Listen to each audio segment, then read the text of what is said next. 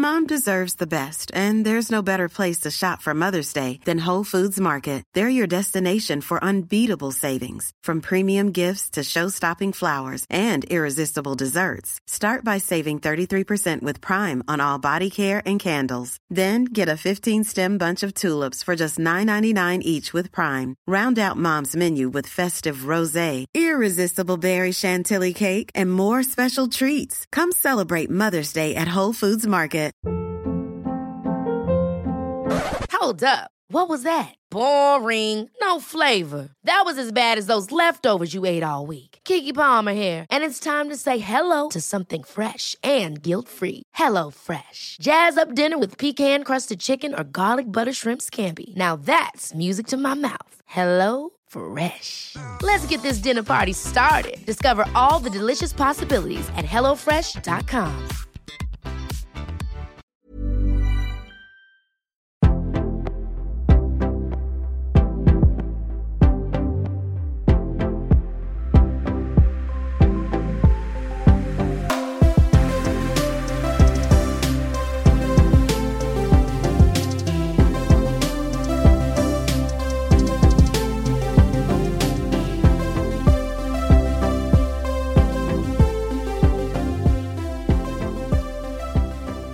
alla poddlyssnare och varmt välkomna till Jag är modig. Podden där vi träffar inspirerande kvinnor som generöst delar med sig av sina erfarenheter. Idag träffar vi Jane af Sandeberg, journalist och konstnär som brinner för samhällsfrågor. Jane har jobbat som journalist i mer än 35 år och den röda tråden i hennes konstnärskap är att beröra människor, berätta en historia som skapar till eftertanke och reflektion. Varmt välkommen Jane! Tack så mycket. Du har ju kommit ända ifrån Dalarna hit. Ja, jag flyttade dit för fyra år sedan. Jag tänkte att när man är 56, ska man någonsin ändra stort i sitt liv så, så var det nu det gällde. Så att jag följde mitt hjärta, kärlek och eh, tänkte att nu, nu eller aldrig. Mm. Men jag är här i Stockholm och tankar storstad ibland. Ja, härligt. Eh, och jag börjar naturligtvis med den frågan. Vad är mod för dig, Jane? Oh, jag, jag har tänkt jättemycket på det där för alla har lite olika liksom, förklaringar till det där. Men jag tänkte att i lilla perspektivet så känner jag att jag är modig just nu. Jag har aldrig varit med i en podd förut och jag eh, är ju lite obekväm för att jag är så van att vara, ha journalistrollen. Och jag ska inte säga gömma mig bakom den utan snarare jag tycker inte att jag som person är så viktig utan det är snarare frågorna eller ämnena jag vill lyfta i texter eller i bilder. Då. Mm. Men nu är det här. Ja. Och då undrar jag, vad är att vara framgångsrik då? Vad innebär att vara framgångsrik för dig? Ja, det är också så här. Alltså det är nyttigt att ställa upp på en sån här grej. För man, det, jag tvingades ju fundera en hel del kring det här. Och jag, det, det här var en väldigt svår fråga. Vad är framgång? Jag, jag kom på att det är egentligen bara det att jag har lyckats. När jag känner att jag lyckas åstadkomma någonting. Om jag skriver en artikel, nu håller jag på att jobba med några artiklar om psykisk ohälsa och då tänker jag, kan jag få någon att tänka till och kanske bekräfta att det här är ett viktigt ämne och börja prata om det så här, då känner jag, det, det är framgång. Då känner jag att jag har, har bidragit med någonting som är viktigt. Mm, att du har nått ut? Ja. ja. Och få en, kanske förhoppningsvis eh, fler att ref reflektera och fundera. Ja, och det är väl det som, som driver mig hela tiden. Att jag vill lyfta viktiga frågor, eh, trender och, och så. Det gör jag ju även med mina bilder. Mm. Ja, för du har ju varit, eh, eller varit, du är journalist sedan drygt 35 år. Och eh, konstnär sedan ungefär 15 år. Och vad var det som fick dig att börja måla? Ja, det, det är ju ehm, också en sån här grej man kan fundera på. Nej, men alltså, först fanns det ju ingen eftertanke utan det bara kom. Och det var i samband med att jag skilde mig och då det var som känslorna skulle ut fast jag inte hittade ord. Jag som alltid har skrivit i någon form. Men det, kom, det gick inte. Och så någonting gjorde att jag började måla. Och sen har det vuxit. Och jag, dels mår jag bra av det, jag tycker det är roligt, jag tycker det, jag har hittat ett spår som jag tycker är viktigt att lyfta i, i samhället. Och, um, så jag fortsatt. För att eh, ord eller bokstäver finns ju med i dina tavlor också. Absolut. Och det finns någonstans, det visste jag inte heller när jag började med bilderna, att jag har ett, jag skulle nog säga ett journalistiskt förhållningssätt till att göra bilder. Men, ehm, och nu ser jag ju det, men, men inte från början. Jag använder ju liksom delar ur Financial Times på nästan alla bilder och så skriver jag ord beroende på vad det då handlar om. Sådär. Mm, du har ju haft många utställningar och den första var ju 2005 i Stocksund. Ja, ja på en liten restaurang. Ja. Ja. Och eh, kan du berätta bara lite grann om dina tankar inför första utställningen? Hur kändes det då? Kul och bra och jag tänkte att nu, nu är jag konstnär, nu ska jag bara ägna mig åt det här och nu måste alla köpa mina tavlor. Alltså, jag har väldigt dåligt tålamod. Jag, har, och jag är väldigt så här, hoppar in i saker snabbt utan eftertanke och sådär. Eh, men sen har jag ju snart lärt mig då att det tar lite tid att eh, etablera sig för det första, men också att konstnärskap är ingen det är inte en hobby. Alltså det, det, du måste ha mer driv om du ska bli bli någonting och, och, om du har någonting viktigt att säga så ska man heller i och för sig, man ska inte ge sig. Men, men alltså det, det tar tid och det är inte enkelt. Och sen har jag ju ställt ut, förutom då i Stocksund så på andra norrförorter har jag ställt ut eh, i Åre och i Dalarna där jag bor nu då, flera gånger. Eh, och nu på Liljevalchs. Mm. Det var det jag skulle komma till. Det är ju helt fantastiskt för att det är drygt 3000 personer va? 3500? Nästan 3600 ja. som har sökt. Som ja. söker och det är ju bara några få, hundra. Vad är det, många jag tror det är 120 eller något ja, sånt där. Jag så det är inte ju inte många. Och du är en av dem. Och det är ju helt fantastiskt därför att det här är ju faktiskt det största verket på vårställning som är gjord av en enskild person. Mm. 80 tavlor, 10 meter långt. Mm. Alltså, du måste ju berätta om det här verket. Jag tycker att det är magnifikt. Och tankarna som du fick innan du började och idén. Och... Eh, kort kan jag beskriva det. Alltså, det är 80 tavlor som alla är lika stora. Och um, alla föreställer, eller mina tolkningar av nationsflaggor. Förutom att jag har gjort även FN och EUs flaggor. Uh, och det började med att jag gjorde USAs flagga och Kinas flagga. Och så hade jag med dem på en utställning. Och det blev så mycket snack om de där tavlorna. För att på tavlorna, det är inte bara så att jag målar eh, flaggan, utan jag har satt in delar ur eh, Financial Times börsnoteringar. För jag tycker att börsnoteringar är det bästa som finns. Det är den bästa illustrationen på vår tids, liksom, vi ser bara pengar och tillväxt som enda vägen framåt. Och jag började alltså med de där två flaggorna och sen har jag liksom fortsatt och fortsatt och sen bestämde jag mig någonstans att jag skulle göra 80 för det var ett hanterbart eh, antal för mig. Plus att då skulle jag kunna ha en stor spridning, alla världsdelar, stora och små länder, rika och fattiga och ja, alla de här. Men jag var också tvungen att begränsa mig. Eh, och sen så bestämde jag mig, när jag gjort klart det, så hade jag en, liksom, en liten privat visning hemma bara. Och då fick jag en reaktion, så jag gjorde en detalj till på varje bild. Och det tog ju sin tid också. Men jag har verkligen njutit av processen att göra de här. Och sen så tänkte jag så här, jag har någonting att säga med de här. Jag vill att vi ska tänka till.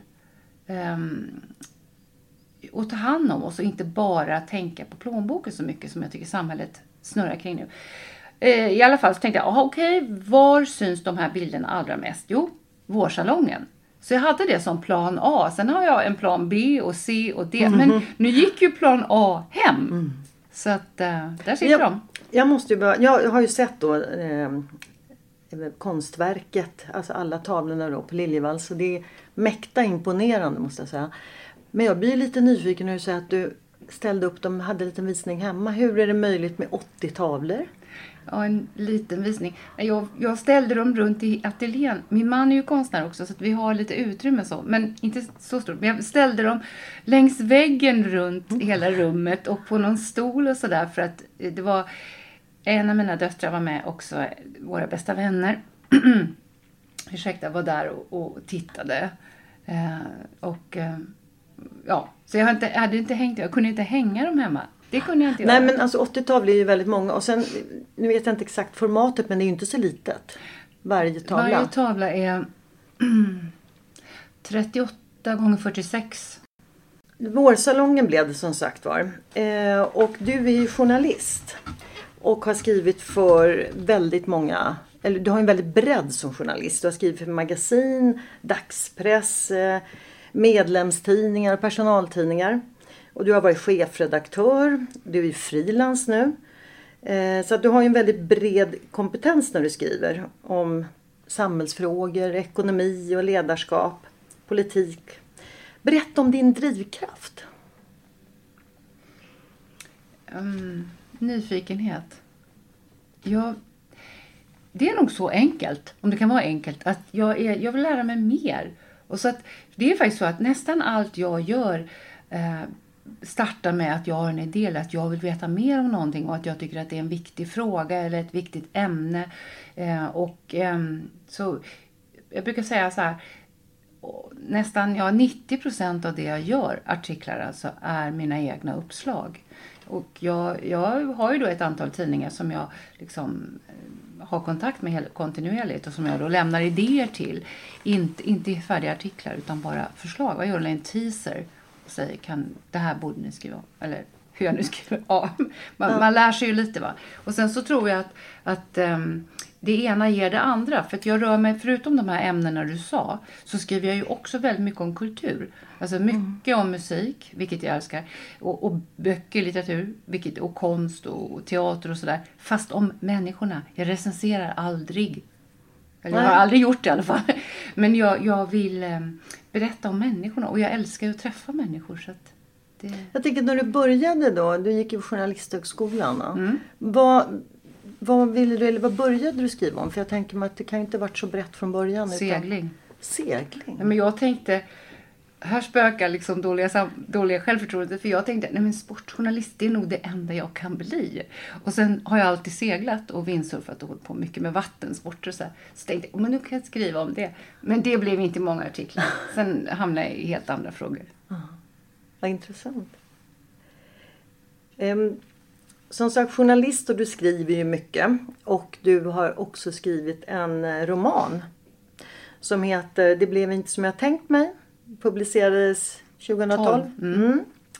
Eh, och jag kan säga att boken har ju en eh, väldigt annorlunda start. En ganska brutal start är det ju. För det är ju en kvinna som eh, står i eh, kön i en matvaruaffär. Kassakön för att betala. Och sen eh, av en olyckshändelse så råkar hon slå ihjäl en person i kön. Och hon har dessutom sina två eller tre barn med sig.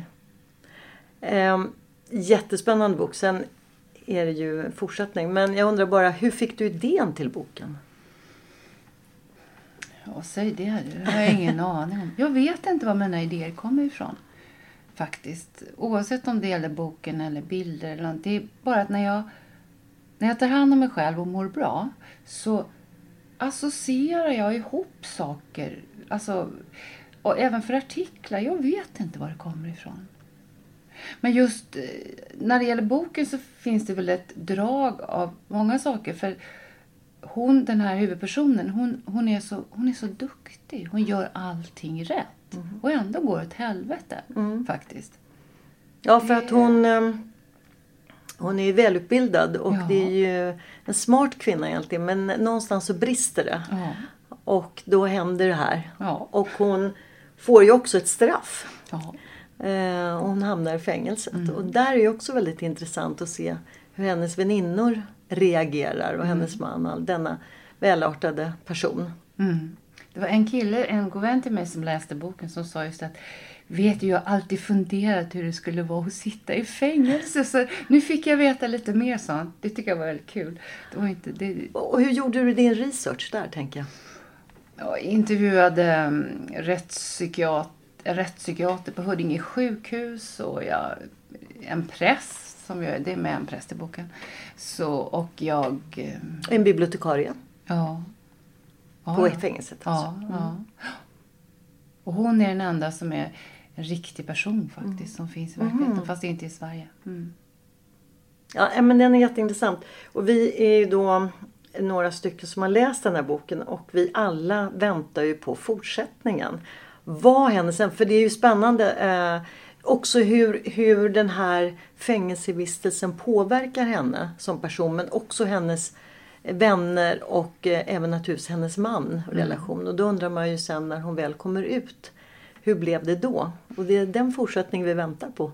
Ja, jag vet inte när den kommer. Jag försökte, men jag vet inte varför. Jag har något motstånd mot att ta i, i den där texten igen och gå vidare. Jag vet inte varför. Men eh, jag håller på med ett annat bokprojekt som har visat sig mycket svårare. Så jag, jag måste liksom prova mig fram där. Men jag håller på med det. Mm. Jag, jag, tror att jag måste skriva jämt. Det verkar så. Mm. är sån. Det räcker inte med artiklar. Nej. Men sen tror jag också att det här med en bok är ju ett så långsiktigt projekt. Och jag tror kanske att många journalister längtar lite efter lång, långa saker att skriva istället för bara artiklar. Um, jag, jag, tror det ligger någonting i det, för det är ju rätt många journalister som skriver böcker. Mm. Du nämnde ju det här att du, som sagt, du bor i Dalarna nu och då är ju det ett mod att våga lämna Stockholm efter så många år och flytta upp till eh, en mindre ort. Det är ju inte ens en ort. Kom igen, det är en by med, jag tror att vi är 350 som bor där ungefär, ja. mellan Mora och Orsa. Mm. Ja. Och det är ju modigt om något. Ja, jag, när man är mitt i det där så tänk, jag tror inte man tänker så, utan jag följde mitt hjärta att jag måste, jag, det här måste jag göra. Annars så, ja, det fanns liksom, jag hade inget val och eh, jag trivs väldigt bra där uppe på många sätt. I naturen och sådär också. Eh, men det var inte helt enkelt. Men jag tänkte, ofta med mod så tänker man inte själv på det utan det är andra som säger det till en eller så. Och jag skrev på Facebook då att jag, nu flyttar jag och nu har jag sålt lägenheten på Kungsholmen och ja. flyttat dit upp och så. Och då var det en gammal kompis som skrev till mig att jag var en förebild. Hej, jag Ryan Reynolds. Recently, I asked Mint Mobiles legal team if big wireless companies are allowed to raise prices due to inflation. They said yes. And then when I asked if raising prices technically violates those onerous two-year contracts, they said, what the f*** are you talking about, you insane Hollywood ass?" So to recap, we're cutting the price of Mint Unlimited from $30 a month to just $15 a month. Give it a try at mintmobile.com slash switch. $45 up front for three months plus taxes and fees. Promo for new customers for limited time. Unlimited more than 40 gigabytes per month. Slows. Full terms at mintmobile.com. Planning for your next trip? Elevate your travel style with Quince. Quince has all the jet-setting essentials you'll want for your next getaway. Like European linen, premium luggage options, buttery soft Italian leather bags, and so much more and it's all priced at 50 to 80% less than similar brands. Plus, Quince only works with factories that use safe and ethical manufacturing practices. Pack your bags with high-quality essentials you'll be wearing for vacations to come with Quince. Go to quince.com slash trip for free shipping and 365-day returns. Quality sleep is essential. That's why the Sleep Number smart bed is designed for your ever-evolving sleep needs. Need a bed that's firmer or softer on either side? helps you sleep at a comfortable temperature? Sleep Number smart beds let you individualize your comfort so you sleep better together. JD Power ranks Sleep Number number 1 in customer satisfaction with mattresses purchased in-store. And now, save 50% on the Sleep Number limited edition smart bed for a limited time. For JD Power 2023 award information, visit jdpower.com/awards. Only at a Sleep Number store or sleepnumber.com. Och då tänkte jag, ja, så här efteråt kan jag undra varför frågar jag inte henne vad hon menade. Men jag gjorde inte det. Men jag funderade på det och tänkte varför är jag en förebild på det där. Men så tänkte jag att ja, men det kanske är just det här att våga. Jag är 56, jag bröt där, bytte. Mm. Och det är ju inte så att Stockholm försvinner. Nej, men det är ju ändå ett ganska stort kliv att komma upp som du säger till en liten by, 350 personer ja. eh, och lämna Stockholm som du har varit van och bott i många år, eller alltid helt ja, enkelt. Ja, jag kommer härifrån. Ja. Jag har i och för sig bott i Norge också och lite så. Men, jag, ja. men visst, det här är min bas så var ett stort steg. Och i början var jag väldigt sådär är det här verkligen rätt? Ja. Och jag liksom fram och tillbaka och vägde för och emot och sådär. Och sen så slumpade det så att jag intervjuade en, en veterinär och träffade även hennes man som bor i byn. Eh, och de kommer inte där uppifrån heller. Utan det har bara slumpat sig så att de har flyttat dit. Och då frågade jag liksom, men hur gjorde ni? Liksom, kände ni direkt att det här var rätt? Och då sa de så här, nej vet du vad. Vi, eh, vi bestämde oss bara att vi kör fem år så satsar vi allt på att vara här. Och sen får vi känna efter då liksom och på något sätt utvärdera om vi gjorde rätt och, och sådär. Och då var det någonting som för poletten trillade ner mig och jag tänkte att jag måste gå all in. Jag måste verkligen satsa på det här. Så jag eh, engagerade mig i byns byalag som är lite förening som driver en bystuga och har lite jippon på midsommar och sådär. Och, så, och jag så hamnade i styrelsen där. Eh, och då lärde jag ju känna fler och jag förstod mer om omgivningen och allting. Och, eh, det tror jag betyder väldigt mycket. Jag tror att en nyckel är säkert just det här att man går all in. Och det kräver ju ändå en hel del. Det låter ju, jag tror även, nu flyttade du in i Sverige. Mm. Men eh, just det här att man blir ju ganska, nu hade du i och för sig din blivande man som du bodde där. Men det är ändå hela ditt sociala nätverk som du måste börja bygga upp igen. Ja, och jag måste ha ett eget nätverk. Mm, inte Han bara och jag på har honom. gemensamma Ja. och så, men jag vill ju ha... Jag har faktiskt behov av egna. Så här, och det har jag.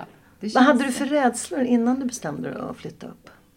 Hade du några? Ja, för det fanns nära i min familj sådär någon som frågade liksom, men, men tänk om du aldrig kan komma tillbaka? Ska du...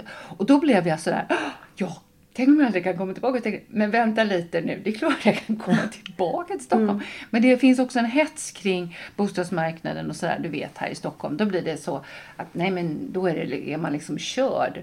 Men jag, nej så är det inte faktiskt. Nej.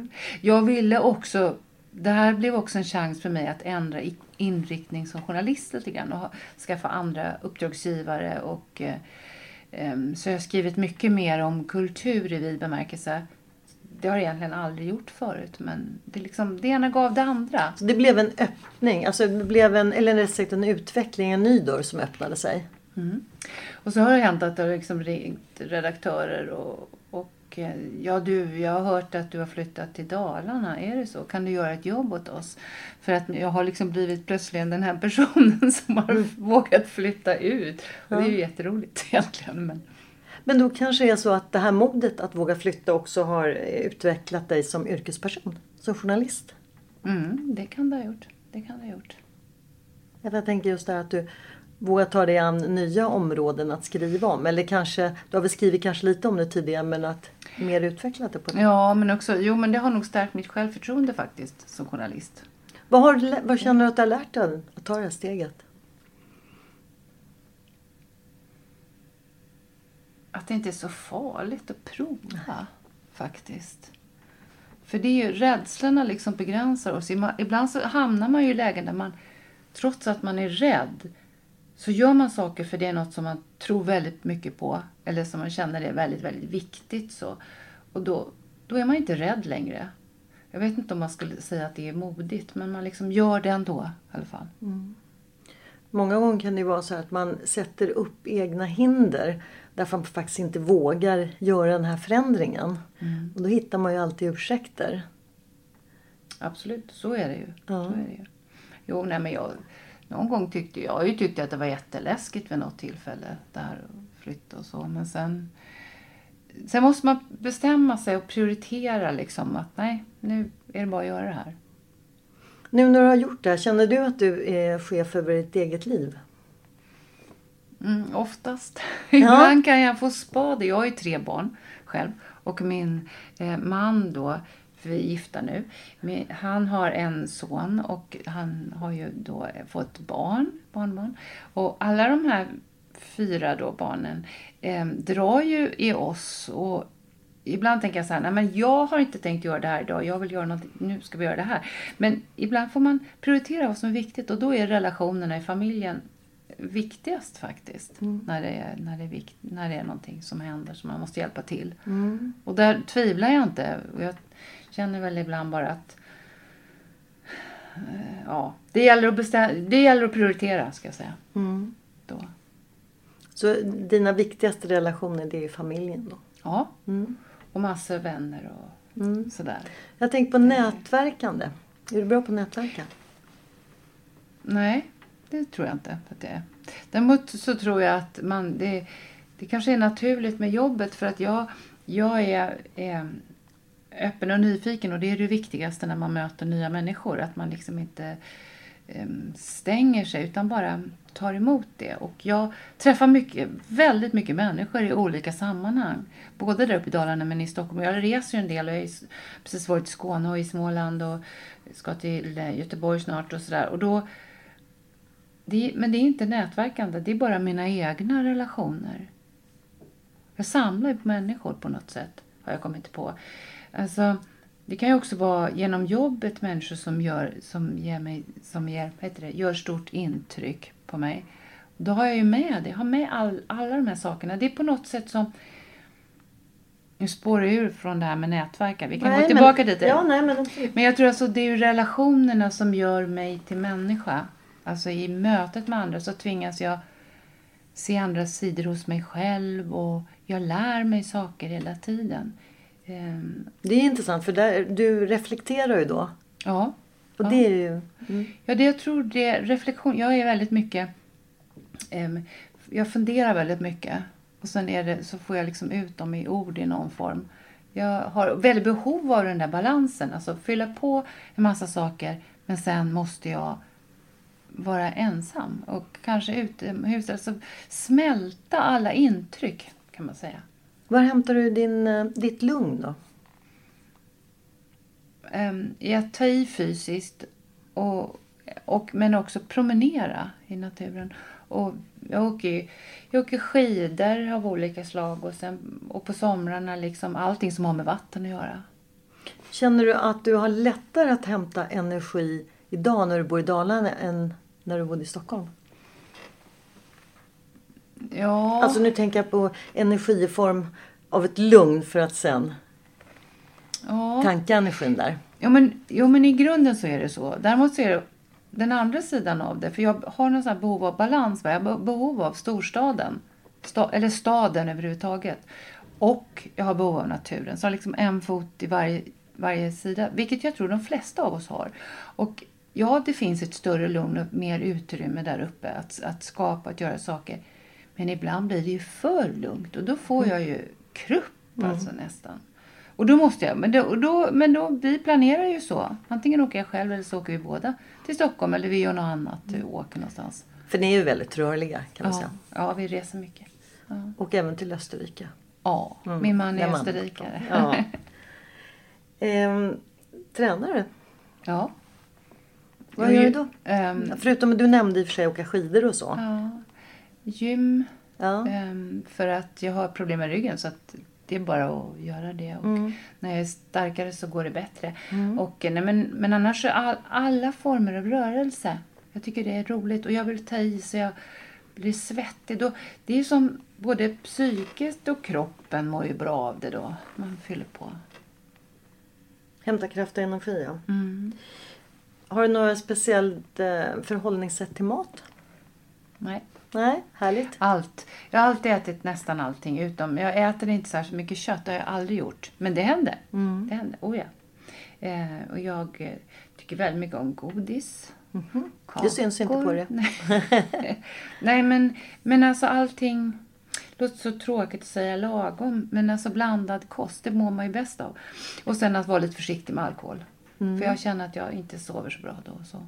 Men, men ett glas vin tar jag gärna. Ja, härligt. Du, har du några drömmar då? Som du vill förverkliga? Jag har inte det egentligen. Inte, inte stora drömmar därför att det känns som jag lever min dröm lite grann eftersom jag är frilans och gör så mycket olika saker. Alla dagar är inte lika eh, bra men just eh, liksom när det är, i grunden är det, i, i och med att jag kan vara, ändå vara min egen chef på det sättet och styra så, så känns det jättebra. Och det enda är jag vill fylla på med det jag tycker om. Ehm, det jag tycker om, väldigt mycket om, det vill jag ju fylla på mer med. Jag vill ha mer musik, jag vill dansa mera, jag vill ha mera vänner och middagar och goda samtal för de tar mig liksom framåt. Det här med samtal är så roligt. Eh, och, ehm, och sen, ja, Det räcker väl liksom som drömmar. Jag har ingen, jag har ingen liksom bucket list på det sättet. Nej, men jag tror att ibland när man säger då om du har några drömmar att eh, det ska vara så stort. Men det behöver det ju inte vara. Det kan ju vara en liten dröm också Mm. som man har.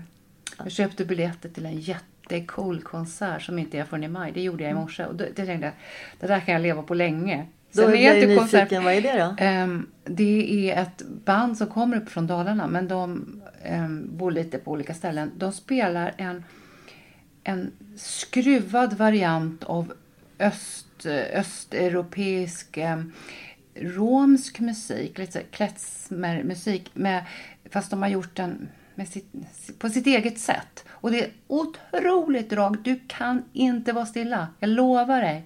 Galna är de. Härligt. Tibble Transsibiriska heter de. Kan vi nämna. Men alltså, att få göra sånt där, att lyssna på musik och att gå in i det.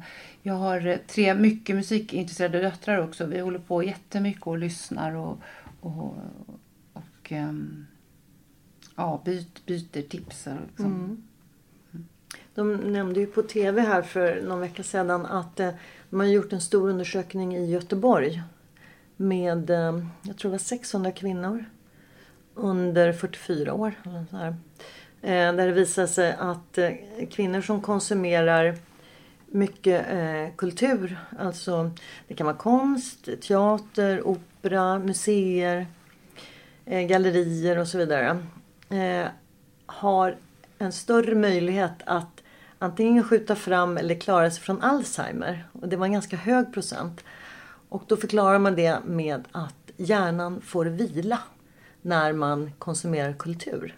Det tyckte jag var intressant. Att hjärnan kommer i ett viloläge. Den där undersökningen skulle jag ju vilja se. Det är väldigt intressant. Men jag, jag tror att vi är öppna och nyfikna när man går på en konstutställning. Och jag skulle nästan säga att det är skönt. Jag har varit på en idag. För att, och själv då. För att ta in och bara fundera och låta släppa hjärnan lös. Det är så häftigt. För det, det är ju när jag gör det själv som idéerna kommer. och jag får så här, associerar vidare på något sätt. Men det är som, vi, vi ska inte trycka in hjärnan för mycket i Excel-ark utan vi ska släppa loss. Håller helt med dig. Jag älskar också kultur och konst. Det är det bästa som finns. Och går gärna också själv på gallerier och vernissager och museer och sådär. Mm. Är det något som du känner att du vill tillägga som vi inte har haft med? När jag, jag vet att vi pratade löst om innan med frågor så här, om, om att, hur man ser på karriär. Så tänkte jag att det är så intressant för att jag har aldrig planerat karriär utan jag har bara liksom låtit livet ta mig dit. Liksom. Jag har, jag har liksom, det känns som jag har hamnat, fast det är ju ingen slump här där. Jag hamnade i Norge till exempel och då med då- min dåvarande man och våra barn och sådär både på västlandet och i Oslo. Och det är ehm, det är nog bland det bästa jag gjort. Och det var ju bara en, oj, jaha, men vi provar det, vi flyttar dit. Det var några röriga år men också väldigt lärorika. Och som följd har jag ju varit jättemycket i Norge och har ehm, norska UDs internationella presskort just för det. Och det har jag kvar för att jag fortfarande har så mycket kontakt med Norge. Kände du att eh, den vistelsen i Norge var en, är en stor del i din egen utveckling, alltså karriär? Ja, det är det. Det, är det. Och sen är det ju det här med att vi, vi mäter ju ofta, och det är ju också mitt uttryckssätt i min konst, det här med pengar och hur mycket vi mäter framgång i pengar. Och jag är inte rik på pengar, men jag är rik på upplevelser av människor, de här mötena. Allt det har jag med mig och det är helt fantastiskt. Det, och där igen är det den här nyfikenheten jag har hela tiden. Jag, jag kommer att dö nyfiken för att jag tror aldrig jag slutar vara nyfiken. Men det är väl härligt, det är en drivkraft att vara nyfiken. Ja, ja. det. Och det är som du säger, möten och erfarenheter det är ju någonting som aldrig någon kan ta ifrån en. Men man kan ju förlora pengar och prylar men aldrig ens erfarenheter och framförallt personliga möten. Mm. ja så är det. Så är det. Vad kul, vad inspirerande det är att träffa dig tycker jag. Och det finns ju egentligen väldigt mycket som man kan prata om men vi kanske får möjlighet att återkomma istället. Eh, framförallt så måste jag bara säga att ett eh, jättestort grattis till ditt det här fantastiska verket på Liljevalchs. Jag är så imponerad och jag hoppas att någon organisation eller företag köper det för det är otroligt mäktigt. Är det. Ja, man kanske inte har det där äh, på en, i vardagsrumsskyltet hemma. Det är för stort. Det, det är lite för stort. Nej, jag tänker det också. Fint. Det är flera som har sagt att Världsbanken borde köpa det. Mm, instämmer. Ja, men de, jag vet inte ens om de har varit där. Nej, men någon bank eller, ja, borde köpa mm. det. Vi får se. Ja. Sociala medier, vad hittar man dig där? Um, på Instagram så heter jag Jane Maria Elisabeth med TH på slutet. Mm. Stort varmt tack Jane för att du tog dig tid att komma hit. Tack för att jag fick vara med.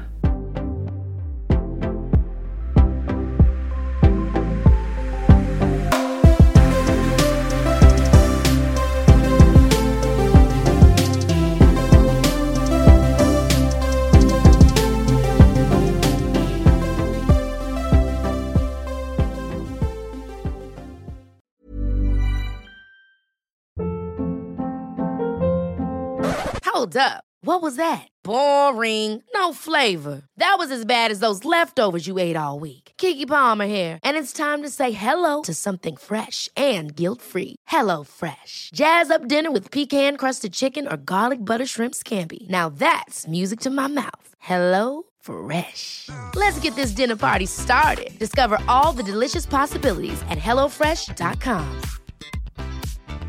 Mom deserves the best, and there's no better place to shop for Mother's Day than Whole Foods Market. They're your destination for unbeatable savings, from premium gifts to show-stopping flowers and irresistible desserts. Start by saving 33% with Prime on all body care and candles. Then get a 15-stem bunch of tulips for just $9.99 each with Prime. Round out Mom's menu with festive rosé, irresistible berry chantilly cake, and more special treats. Come celebrate Mother's Day at Whole Foods Market